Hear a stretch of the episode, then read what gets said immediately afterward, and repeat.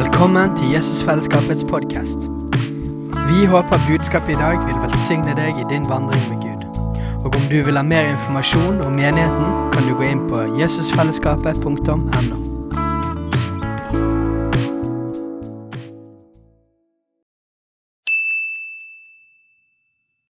Hei! Visste du at Jesusfellesskapet starter en ny bibelskole til høsten? Den heter Jesusskolen og starter den 3. september. Gå inn på jesusskolen.no for mer informasjon.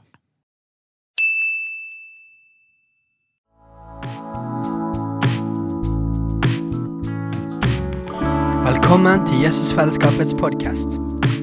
Vi håper budskapet i dag vil velsigne deg i din vandring med Gud. Og om du vil ha mer informasjon om menigheten, kan du gå inn på jesusfellesskapet.no.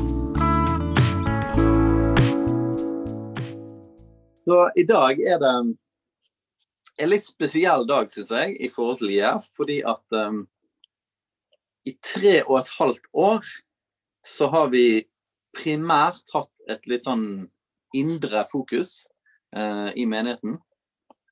Og uh, i dag så går vi inn i en ny epoke der vi kommer til å rette blikket utover. Um, og fra i dag av så blir overskriften for JF og tematikken vi kommer til å jobbe med og forkynne om, er det store oppdraget. Det store oppdraget er basically at uh, han sendte oss ut for å forkynne evangeliet og å demonstrere evangeliet. Og han kalte oss til å gjøre disipler, eller trene disipler. Så vi skal nå de tre neste søndagene, tror jeg, ha en liten sånn introduksjon til hele det temaet. Og så kommer vi til å gå inn i masse spennende ting som har med det å gjøre, eh, gjennom hele 2020. Yes. Så for å trekke litt sånn her eh, linjene, da. Vi begynner der så er det sånn at i 2019, i begynnelsen av 2019, så opplevde jeg at Gud talte til meg om at hele det året, hele 2019, så skulle vi være i Apostelens gjerninger kapittel 1. Og at neste år, altså 2020, kom fokuset til å være Apostelens gjerninger 2. Um, og Apostelens gjerninger 1, det er når Jesus dro til himmelen, og så sa han det at uh, de skulle vente i Jerusalem på kraft fra det høye. Og så står det at de var trofast og utholdende i bønn sammen. Så 2019 det var stort fokus på bønn. Um, og alt begynner jo i relasjon. Alt begynner i bønn. Alt begynner i Guds nærvær. Så det er det rette stedet å starte. Og vi hadde en, uh, lagde en sånn saying, en visjon. Her og der. Jeg vet ikke om det kommer rett vei eller feil vei her. Uh, men i fjor så handlet det rett og slett om å skape en landingsplass for Den hellige ånd gjennom lovsang, bønn og faste. Og når vi gikk inn i 2020, så spurte jeg Den hellige ånd, og dette var liksom bakteppet, dette med apostelgjerning 1 og apostelgjerning 2, at vi skulle gå mer inn i fokus på å nå ut med evangeliet og misjon. Um, og jeg spurte Den hellige ånd litt sånn spesifikt har du noen sånne her, er det noen sånn setning eller noen ord veldig spesifikt for 2020 for oss. Og eh, da opplevde jeg at han ga meg ordene gjennombrudd og vekkelse. 2020 er året for gjennombrudd og vekkelse. Og det interessante er det at eh, jeg, jeg, tenkte gjerne at dette var litt sånn her eh, i, veldig sånn spesifikt for Jesusfellesskapet, og at um, uh, at pga. på en måte den epoken vi var igjennom for noen år siden, tre år siden, to-tre år siden, i forhold til en del krise og vanskeligheter, så var dette litt som en strategi eller et sånn steg inn imot å få opp menigheten, og at vi skulle komme på plass igjen til det vi var kalt til. Og det tror jeg det er. Men så har jeg lagt merke til at i hele den epoken så har, har utrolig mange andre snakket om akkurat de samme tingene. Jeg hører, Gjennom hele fjoråret hørte jeg at flere menighetsledere i Bergen hadde sterkt fokus på bønn. Jeg har hørt om det rundt omkring i Norge. Og jeg har hørt fra internasjonale ledere og en del profeter eh, som, vi, som jeg lytter til og, og eh, har stor tillit til, har snakket i hele fjor og i begynnelsen av dette året om forberedelsestid og om bønn og bønn og faste spesielt.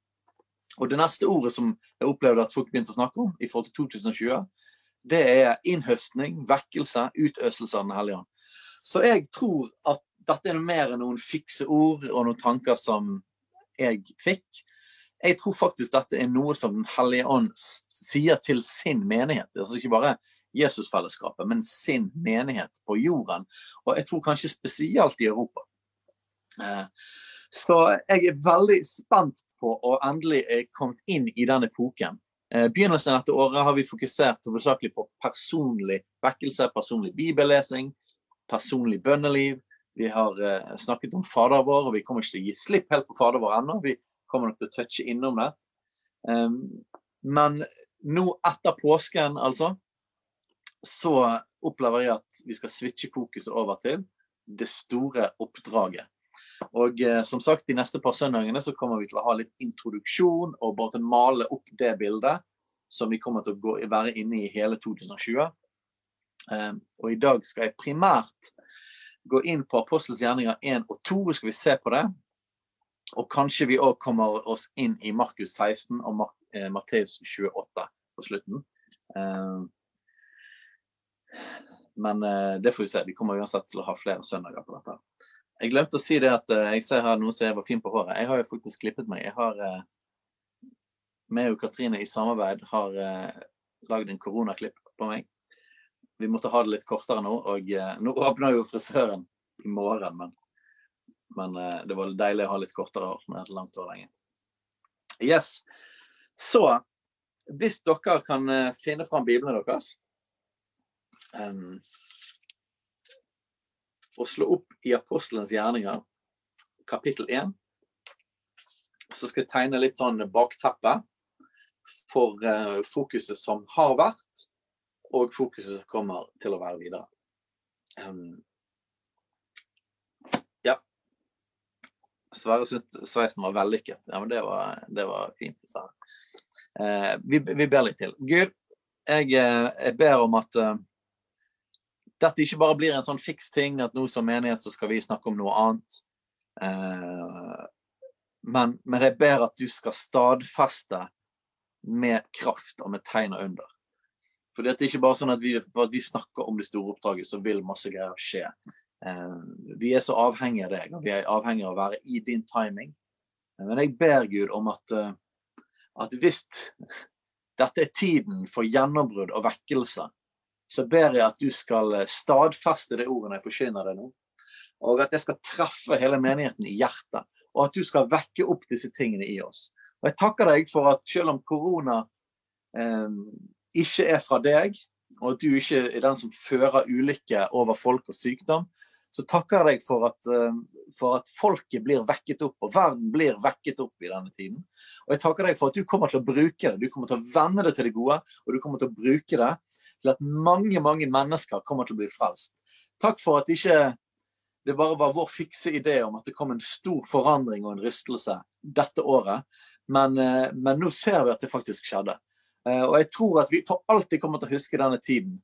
Som ikke bare er tiden for sykdom og nedstenging og eh, social distancing, men tiden der den store innhøstningen i Norge og Europa startet for fullt. Så grip oss med disse tingene nå, Jesus. I Jesu navn. Amen. Yes. Um, Apostelens gjerninger 1. Jeg skal jeg skal gå gjennom 1 og 2, men vi skal ikke lese alt sammen. Jeg leser litt sånn utvalgte hvert for å se, se sammenhengen. OK. Jeg kan begynne i Apostelens gjerninger, kapittel 1, vers 4. Da han var sammen med dem, altså disiplene, bød han dem at de ikke skulle forlate Jerusalem, men vente på det som Faderen hadde lovt. Det som dere, sa han, har hørt av meg for Johannes døpte med vann, og dere skal bli døpt med Den hellige ånd ikke mange dager heretter. Så i konteksten av misjonsbefalingen så ser vi at dette her er et veldig viktig element. Eh, faktisk er det sånn at Han hadde sagt allerede, og det er i misjonsbefalingen som vi skal gå dypere gjennom eh, videre, så har jo Jesus sagt at 'gå ut i all verden'. Men her ser vi at han, etter han har sagt 'gå ut', så sier han 'bli' ikke dra helt ennå. Eh, og dette elementet er et veldig viktig prinsipp. Selvfølgelig, dette, dette er jo en historie fra noe som har skjedd, og vi lever etter pinsedag nå, men det er fortsatt et prinsipp. At det er noe som kommer før misjonsbefalingen. Det er noe som kommer før det at vi skal nå ut med evangeliet. Og det handler om oss og Jesus. Det handler om Den hellige ånd over oss. Så Jesus sa faktisk før dere går ut, så bli. Bli værende. Og dere skal bli døpt med Den hellige ånd. Og videre i vers 8 så står det et, et vers som karismatikere vi liker godt. Men dere skal få kraft idet Den hellige ånd kommer over dere. Og dere skal være mine vitner både i Jerusalem og i hele Judea og i Samaria og like til jordens ender. Dere skal få kraft idet Den hellige ånd kommer over dere. Og dere skal være mine vitner både i Jerusalem, hele Judea, Samaria og like til jordens ender. Det fins to, to grøfter eh, som det er veldig vanlig for oss kristne å gå i. Den ene grøften er at vi går ut i egen kraft. Går ut bare på disiplin eller lydighet, uten kraft. Den andre grøften er at vi aldri går ut, men vi bare, bare blir inne.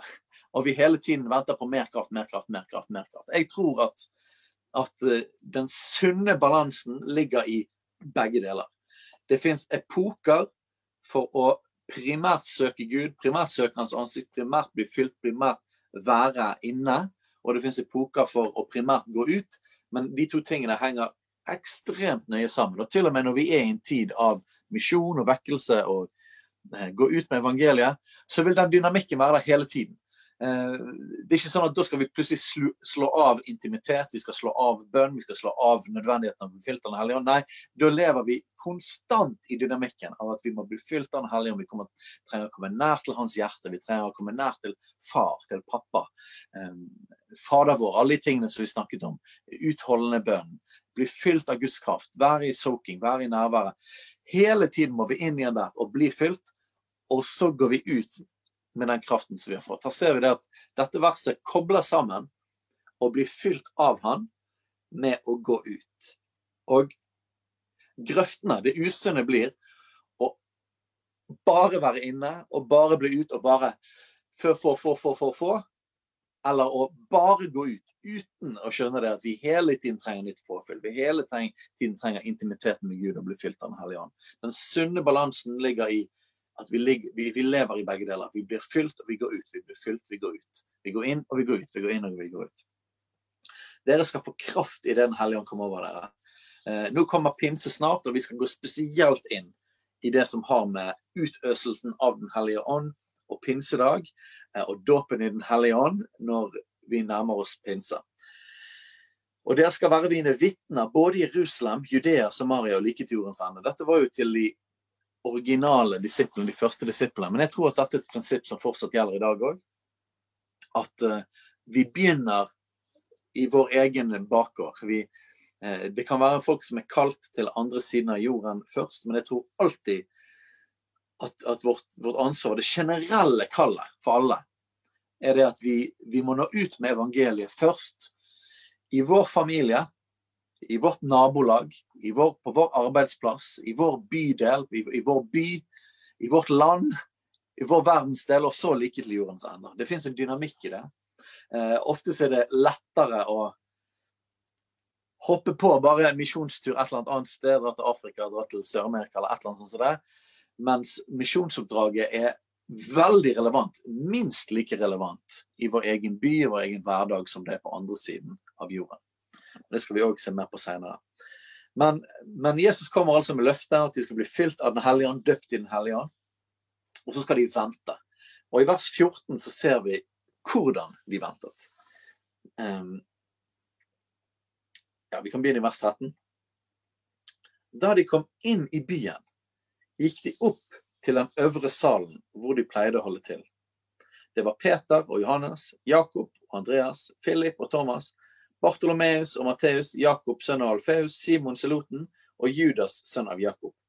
Alle disse holdt sammen og var utholdende i bønnen, sammen med noen, av, noen kvinner og Maria og Jesu mor og hans brødre. De holdt sammen, og de var utholdende i bønnen. Dette var måten de ventet i Jerusalem, sånn som Jesus hadde sagt. Ventingen på mer kraft, ventingen på en utøselse av Den hellige ånd, ventingen på pinsedag, den skjedde gjennom bønn. Og hele 2019 var en sånn venteperiode, og vi har på mange måter fortsatt inn i det og i, i, i denne tiden helt fram til nå. Vi har hatt en 40 dagers Jesusfaste, vi har hatt fokus på personlig bønneliv i hele fjor. Fokuserte vi på bønn, lovsang, faste, intimitet med Gud. Og eh, jeg tror at ventetiden er over. Jeg vet ikke om det kommer til å skje et sånn eh, kaboom um, av at plutselig så opplever vi et nytt pinsedag og Den hellige ånd kommer over oss. Eh, det kan godt være det skjer, det hadde vært kjempekult. Eh, det andre alternativet er rett og slett at når vi søker Han, når vi ber Han, når vi har vært i det, så stiger nivået av Guds nærvær, stiger nivået av Den hellige ånd over oss. Mer og mer og mer og mer og mer. og mer. Så vi får se hva som skjer. Min, min opplevelse er at uh, gjennom hele fjoråret, når vi fokuserte på bønn og det å søke Gud, så økte nivået av Guds nærvær. Så økte hengivenheten i bønn. Så økte eh, kulturen og trykket i lovsang gjennom hele året. Og eh, jeg syns det er veldig interessant òg at rett før koronatiden så fokuserte vi på det personlige livet. Og vi brukte disse bønnemanualene, hadde en bibelleseplan som handlet om det personlige livet hjemme. Jeg tror det var veldig profetisk timet i forhold til at, at eh, vi nå sitter alle sammen i hver våre hjem, og vi kan ikke møtes offentlig lenger. Så jeg tror vi har vært i forberedelsestid. Jeg tror vi har vært i Apostels gjerninger 1. Og jeg tror vi går over i Apostels gjerninger 2 i denne epoken her. Så det blir spennende å se. Eh, det er alltid, alltid det har vært lettere å bare undervise et eller annet som vil være generelt i alle tider. Være, være sant i alle tider. Men, men, å faktisk profetere på den måten og legge alt sammen vi gjør av forkynnelse og trening og fokus i menigheten opp etter at dette faktisk er noe som skal skje nå, det er jo litt mer spennende. Eh, for det betyr at hvis det ikke skjer faktisk en forskjell i 2020, eh, der mennesker begynner å bli frelst og bli gjort til disipler, at vi opplever en større utøvelse av Den hellige da har jo jeg tatt helt feil. Så sånn er det. Men jeg blir oppmuntret av å høre det at uh, det er mange andre profetiske stemmer som snakker om akkurat de samme tingene i denne tiden. OK. Apostelens gjerninger 2. Dette er tiden vi er i nå. Da pinsefestens dag var kommet, var de alle samlet på samme sted. Og da kom det med ett en lyd fra himmelen som når et veldig stormvær farer fram, og fylte hele huset der de satt. Og det viste seg for dem tunger like som av ild, som delte seg og satte seg på hver enkelt av dem. Da ble de alle fylt med Den hellige ånd. Alle ble fylt av Den hellige ånd. Det står tidligere her at de var en i, Etter vers 14 som jeg leste, Eh, at de var utholdende bønn, så står det at de var samlet en flokk på omkring 120. Det var rett etter. Så vi regner med at på pinsedag så var de rundt 120 stykker. Det var den samme gjengen som samlet. For det står at de var alle samlet på samme sted, og de var en gjeng på 120. Da ble de alle, altså alle 120, ble fylt med Den hellige ånd. Og de begynte å tale i andre tunger, alt etter som ånden ga dem tale. Jeg, bare, jeg har lyst til å bare be inn i det med en gang. Gud, jeg ber om en ny utøselse av Den hellige ånd over Jesusfellesskapet, over oss individuelt. Jeg ber om en ny utøvelse av Den hellige ånd over menigheten i Bergen, over menigheten i Norge, og over hele Europa, over hele Vesten og videre. Men Gud, jeg ber om at dette året at vi skal se et motsvar til korona og sykdom og alt det som skjer, gjennom rustningen og økonomien og alle de tingene, gjennom at mer av din kraft og mer av din ånd blir utøst. Og Vi har satt det i historien, i vekkelseshistorien. Når det har skjedd sånne skifter og rystninger, så har det veldig ofte vært vekkelse som har kommet ut av det. Og jeg ber nå, kall ditt folk sammen til å søke ditt ansikt og til å be. Til å gå inn i faste. Til å forberede sitt eget liv og forberede menighetene, forberede grunnen. Og så ber jeg det at Den hellige ånd skal mektig komme over oss. Jeg ber faktisk akkurat nå, eh, om det er sånn at det er en timing eh, akkurat pinsedag eh, i 2020 eller et eller annet, så gjerne det. Men jeg ber gi oss i så fall en smaksprøve. Jeg ber at du kommer inn i alle hjemmene akkurat nå. At du fyller hjemmene med ditt nærvær. At du forfrisker og fornyer alle i menigheten med din kraft og gjør oss i stand til å gå med det store oppdraget. I Jesu navn. Så Den hellige ånd kom over alle sammen. Og så kom det, av dette, da, da lyden hørtes, samlet det seg en stor folkemengde. Så de hørte lyden, for det kom en vind, og så kom det tunger like som av ild over hodene deres. Og vinden gjorde det at masse mennesker samlet seg. Jeg syns det er interessant. Fordi det var ikke de 120 sjøl som hadde satt opp plakater rundt omkring over hele byen på at nå er det vekkelsesmøte, kom. Nå er det evangelisk møte. Men det var en vind av Den hellige ånd som samlet folk. Den vinden gjorde ikke bare det at Den hellige ånd kom over de 120 som satt der, men den vinden samlet mennesker. Jeg hørte en profet som heter Paul, Paul, Keith Davis, som var tett på Bob Jones i mange år.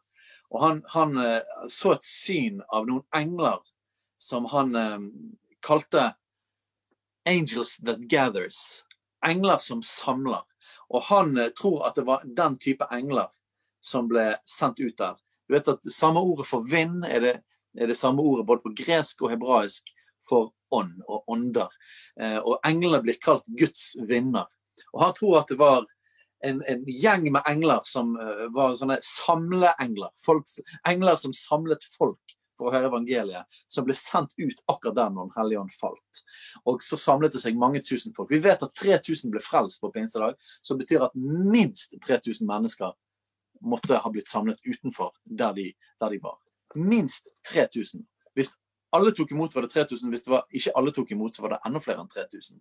Så Gud, jeg ber om at du skal sende din vind og samle mennesker. Eh, når vi kan samles i lokaler, så ber jeg at du samler folk i lokalene. Men i denne tiden så ber jeg at du samler folk rundt evangeliet.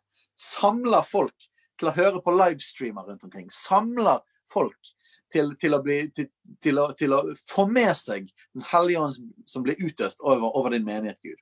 Jeg ber om at du sender ut disse englene som samler, i Jesu navn. Og det som skjedde da eh, Etter hvert så sier de at eh, disse folkene som ble samlet, de hørte de forkynne evangeliet på sitt eget språk. For når de talte i tunger, så var det ikke bare til egen oppbyggelse i dette tilfellet. Det finnes to typer tunger. Det ene er til egen oppbyggelse, som det står om i 1. Korinter 14, 12 og 14. Eh, men den andre type tungetale er at man snakker et annet språk som man ikke kan. Eh, og når de talte i tunga nå, så var det faktisk språk som folk skjønte. De forsynte evangeliet i andre tunger. Jeg, jeg vet ikke om, om, du har opplevd det. Jeg har, jeg har opplevd eh, faktisk på bedehuset i, i, i Blomsterdalen. Der var det noen eldre menn. Så når de talte i tunga, så talte de tysk, engelsk og fransk. Og de kunne ikke snakke det sjøl. Um, eh, jeg fikk ikke høre det sjøl med egne øyne, men ryktene gikk om at når de talte i tunga, så var det på de språkene. Mange hadde hørt det. Ehm, jeg har hørt mange andre historier om folk både på gaten når de har snakket med folk som de ikke kan språket til, eller til og med møter der det kom budskap i tunger, så er det folk som hører at evangeliet blir forsynt, eller det er et budskap til de akkurat på deres eget språk, og gjerne stammespråk og sånne ting. Jeg har prøvd mange ganger. Jeg, jeg har stått i heis med forskjellige turister og sånne ting, så jeg bare stått og bedt litt i tunger og bare sjekket om kanskje jeg snakket deres språk. Um, Foreløpig har ikke jeg opplevd at det har skjedd. Men jeg tror det at, at, det er noe vi skal oppleve med. At Den hellige ånd gjør at vi kan forsyne evangeliet til mennesker på et annet språk enn vi kan. Så når dette skjedde, så, så lurte man noen som lurte på er de fulle. Eh, de virket jo helt crazy der oppe. Og da sto Peter fram. Og eh det ordet 'fram' det kan oversettes òg at han reiser seg opp. Eh, og det er tydelig det at, eh, at disse folkene de talte ikke bare tunga, men var, de, de, oppførte seg på en måte som gjorde at det virket som de var fulle. Um, så når Den hellige ånd faller på mennesker, så kan det se heftig ut. Uh, og det kan få mange forskjellige virkninger. Um, så det skal ikke vi være redd for. Og det kommer nok til å skje mer og mer igjen når vi ser Den hellige ånd bli utøst med. Og så står Peter fram, og så begynner han å forklare om utøselsen av Den hellige ånd. Han begynner å forklare ut fra en profeti i Joel at Den hellige ånd skulle bli utøst. Og så begynner han å forkynne evangeliet. Han snakker om eh, kan, kan lese et par vers fra evangelieforkynnelsen hans. Og det skal skje at hver den som påkaller Herrens navn, skal bli frelst. Og så sier han at eh, Jesus fra Nasaret var en mann med kraftige gjerninger, med tegner under, som Gud gjorde Og, og eh, så står det at han Dere slo han i hjel idet dere naglet han til korset ved lovløse menns hender. Og han oppreiste Gud idet han løste dødens veer, for det var umulig for døden å holde ham fast. Så han snakket om Jesus som en som gjorde tegn og under. Jesus som de drepte og korsfastet. Jesus som sto opp igjen fra de døde.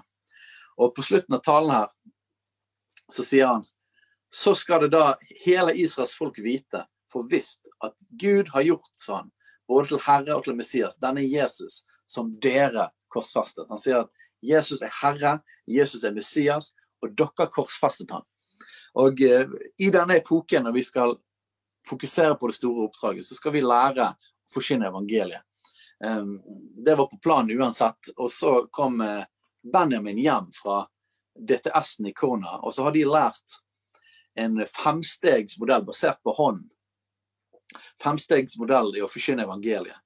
Og eh, jeg og Benjamin har jobbet litt med den og flikket litt på den og puttet inn eh, Fornorske han og, og putte inn noen elementer som, som, er viktige for oss i menigheten. Og eh, Så vi kommer, når, når eh, tiden er der, litt utover, så kommer vi til å trene alle sammen til å forsyne evangeliet på denne enkle måten gjennom disse fem stegene. Bruke hånden vår som uh, hjelpemiddel i forhold til å forkynne evangeliet. Disipler av Jesus trenger å vite hvordan vi kan dele evangeliet, så vi kommer til å være praktiske òg i denne tiden. Men, men, en av tingene som vi ser når vi, når vi ser at uh, når evangeliet blir forkynt i Det nye testamentet, er jo det at uh, det er ikke en veldig forsiktig måte de forkynner evangeliet på. Peter slutter basically talen sin med at dere korsfestet Jesus. Eh, han sluttet med konfrontasjon av synd. og en ganske alvorlige ting. Dere korsfestet faktisk denne Messias som Jesus sendte. Og måten vi forsyner evangeliet på, kombinert med Den hellige ånds kraft, de to tingene sammen, det skaper dette resultatet vi ser her. Men da, det, da de hørte dette, stakk det dem i hjertet. Jeg lengter etter at vi skal se en utøselse av Den hellige ånd, at vi skal se engler som samler mennesker, så de kan få høre evangeliet. At vi ser overnaturlig demonstrasjon av evangeliet i, som, som tungetale på andre språk. Andre, andre, andre, måter å demonstrere evangeliet på, som tegn og under og mirakler. Og så drømmer jeg om at vi skal lære å forkynne evangeliet sånn som de forkynte evangeliet. Forkynte evangeliet med kraft, sånn at det stikker folk i hjertet. Og så sier de til, Peter og de andre apostlene hva skal vi gjøre, brødre? Og Peter sa til dem omvend dere, la dere døpe på Jesu Kristi navn til syndenes forlatelse, så skal dere få Den hellige ånds gave. Omvend dere og la dere alle døpe til Jesu Kristi navn til syndenes forlatelse, så skal dere få Den hellige ånds gave. Det er noe som vi også skal gå inn i, de som har gått på bibelskolen og hørt meg undervise om om det som har med tro, omvendelse, dåp i vann og dåp i Den hellige ånd å gjøre. Vi skal lære hvordan gjøre folk til disipler og, virke, og, lede folk til Jesus på en måte som gjør at de blir disipler. Eh, fristet å gå inn i den tematikken om det skal vi gjøre seinere. Men i vår kultur så er det en, en sterk tendens til å forsyne evangeliet forsiktig og blodfattig. Eh, og ikke tørre eh, å både snakke kraftig om korset, men også snakke om synd og omvendelse. Eh, og skal vi forsyne evangeliet på en bibelsk måte, må vi ha med Guds godhet og Guds kjærlighet. Vi må ha demonstrasjon av evangeliet, det må være salvet av Den hellige ånds kraft. Men vi må òg konfrontere synd. Eh, vi må forkynne evangeliet sånn som de forkynte evangeliet. Og når folk ønsker å ta imot, så kan vi ikke bare gå inn i lukk øynene dine, slå av lyset, demp lyset, lukk øynene, bøy hodet og rekk opp en hånd. Eh, det finnes ingen plasser i Det nye testamentet der det var sånn de ledet mennesker til Jesus. Det skal vi se videre på hvorfor. fordi at både fordi at tro, omvendelse, dåp i vann og dåp i Den hellige ånd er en sånn essensiell startpakke for å bli frelst. Men det er òg koblet med det, som vi skal se på i Matteus 28, at vi er ikke kalt til at så mange som mulig skal rekke opp hånd, eller så mange som mulig skal be en bønn. Det vi er kalt til, er å gjøre disipler. Vi er kalt til å trene mennesker til å bli etterfølgere av Jesus. Og skal du bli en etterfølger av Jesus, så er det mer som skal til enn å rekke opp en hånd og be en bønn, bøye et hode. Eh, jeg vet at det er mange folk som har blitt frelst, og de begynte sin vandring med Jesus på den måten. Og det er fantastisk, Gud kan bruke det. Men det er ikke modellen vi ser i Det nye testamentet for hvordan lede mennesker til Jesus. Så det skal vi snakke videre om. Men jeg lengter etter dette, at evangeliet skal bli forkynt med Den hellige ånds kraft. Eh, tydelig sånn at det stikker folk i hjertet. Og at når folk responderer på det, så skal vi gi dem full pakke med en gang. Omvendelse som betyr å kapitulere og bøye seg for Jesus og si 'du er herre'. Jeg gir opp mitt eget liv. Jeg, jeg vil følge deg. Jeg legger, jeg legger, mitt liv ned. Omvendelse er i all hovedsak ydmykhet. Ydmyke sitt hjerte. At ikke Jesus blir noe som er på toppen av alt annet, eh, men at Jesus blir livet. Det er sånn du blir en disippel. Så omvendelse og dåp i vann. Vi skal snakke om dåp i vann, og vi skal lære alle sammen å døpe mennesker. For uh, i, i, vår kultur så er det ofte sånn at å døpe folk det er en ting som er veldig koblet på menighet og møte og kirkebygg og dåpsbasseng, og det er pastoren som gjør det. Men det står ingen plasser i Bibelen om å døpe folk inne. Det står ingenting om dåpsbasseng i det hele tatt. Det står heller ingenting om å døpe folk i forbindelse med en menighetssamling. Det er ikke ulovlig, men det er ikke konteksten for dåp i Nytestamentet. Og det står i alle fall ingenting om at du må være pastor eller menighetsleder for å døpe folk. Eh, alle disipler trenger å lære å døpe mennesker. Så jeg gleder meg til å trene eh, hele menigheten i hvordan døpe folk i Fanafjorden. Hvordan døpe folk eh, på, på, på Gamlehaugen. Hvordan døpe folk i badekaret hjemme hos deg sjøl. Eh, dåp trenger å bli en del av, av det vi er trent til som disipler. Og så skal de få Den hellige ånds gave. Alle som blir frelst, de trenger å bli døpt i Den hellige ånd og fylt av Den hellige ånd. OK, så tiden begynner å renne ut. Så det er bra vi har mange søndager på denne introen her. Men da blir det iallfall ikke Matteus 28 og Markus 16 i dag. Det blir det neste gang. Men la meg ta slutten på Apostels gjerninger 2. Eh, for dette er bildet av den nytestamentlige menighet. Og det er, jeg personlig opplever det som et, eh, opplever det som et livskall. Å se dette i levende livet. At vi i JF, ikke bare vi, men, men, at Guds menighet blir dette, og at vi kan speile oss i dette. Så i vers 39, skal jeg lese 39 til 47 nå. For løftet tilhører deres barn og alle dem som er langt borte, så mange som Herren vår Gud kaller til seg. Og som med mange andre ord vitnet han, og han formante dem og sa, la dere frelse fra denne vrange slekt. Det er altså oppsummeringen av Peters forkynnelse av evangeliet de som da tok imot hans ord, ble døpt. Og den dagen ble det lagt til omkring 3000 kjeller. Lagt til. Ikke bare rekt opp en hånd, kom på en liste. De ble lagt til menigheten. Og det skal vi se, at folk blir lagt til. Og her står det, og dette er ikke om de gamle kristne. Dette står om de nye kristne, som nå var store flertallet i menigheten. De altså de nye kristne som ble døpt og ble lagt til, de holdt urokkelig fast ved apostlenes lære og ved samfunnet og ved brødsbrytelsen og ved bønnene. Dette, folkens, er disippelfellesskap. Og Vi har nevnt det før, og vi skal gå dypere inn i det. Men de holdt urokkelig fast på apostelens lære, apostelens forkynnelse. Eh, og Det betyr forkynnelsen av Guds ord, og det betyr Guds ord. Holdt urokkelig fast på det. De holdt urokkelig fast på samfunnet, altså fellesskapet mellom de troende. Og Det ser vi videre her òg, at det var et enormt sterkt fellesskap.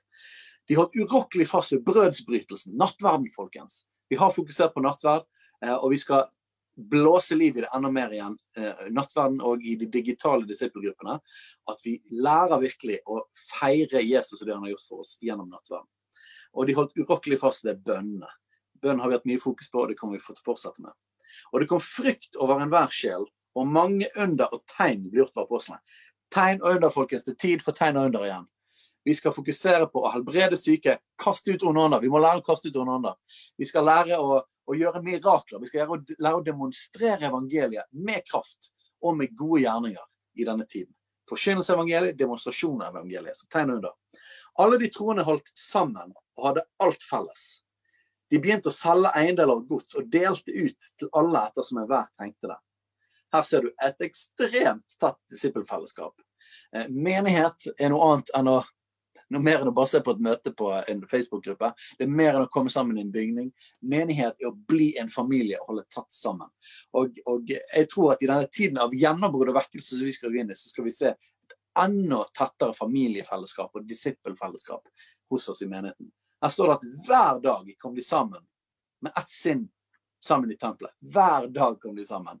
Og i hjemmene brøt de brød. I hjemmene hadde de nattverd og holdt måltid. spist sammen med fryd og hjertets enfold. Jeg gleder meg til at vi kan begynne å samles i hjemmene igjen, og når vi kan begynne å samles eh, i, i, på Jesus fest, alle sammen. Men jeg, jeg, gleder meg nesten enda mer til den tiden der vi kan begynne å samles i hjemmene igjen. For jeg tror at vi skal styrke hjemmene og styrke disippelgruppene kraftig i denne tiden.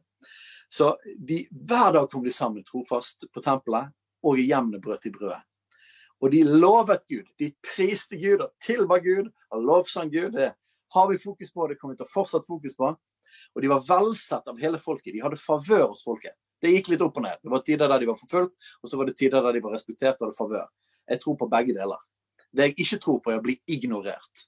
Det er den verste tilstanden vi kan være i. Hvis vi har favør, så er det tydelig at Gud gjør noe blant oss. Hvis vi blir forfulgt, så er det tydelig at Gud gjør noe blant oss. De to tingene er greit. Eh, men å bli ignorert, da betyr det at vi har ikke kraft, og vi gjør ikke det som er oppdraget vårt. Så jeg lengter etter en tid der Guds menighet i Norge blir mindre ignorert og blir mer reagert på. Og den aller siste setningen Og Herren la hver dag dem som lot seg frelse, til menigheten.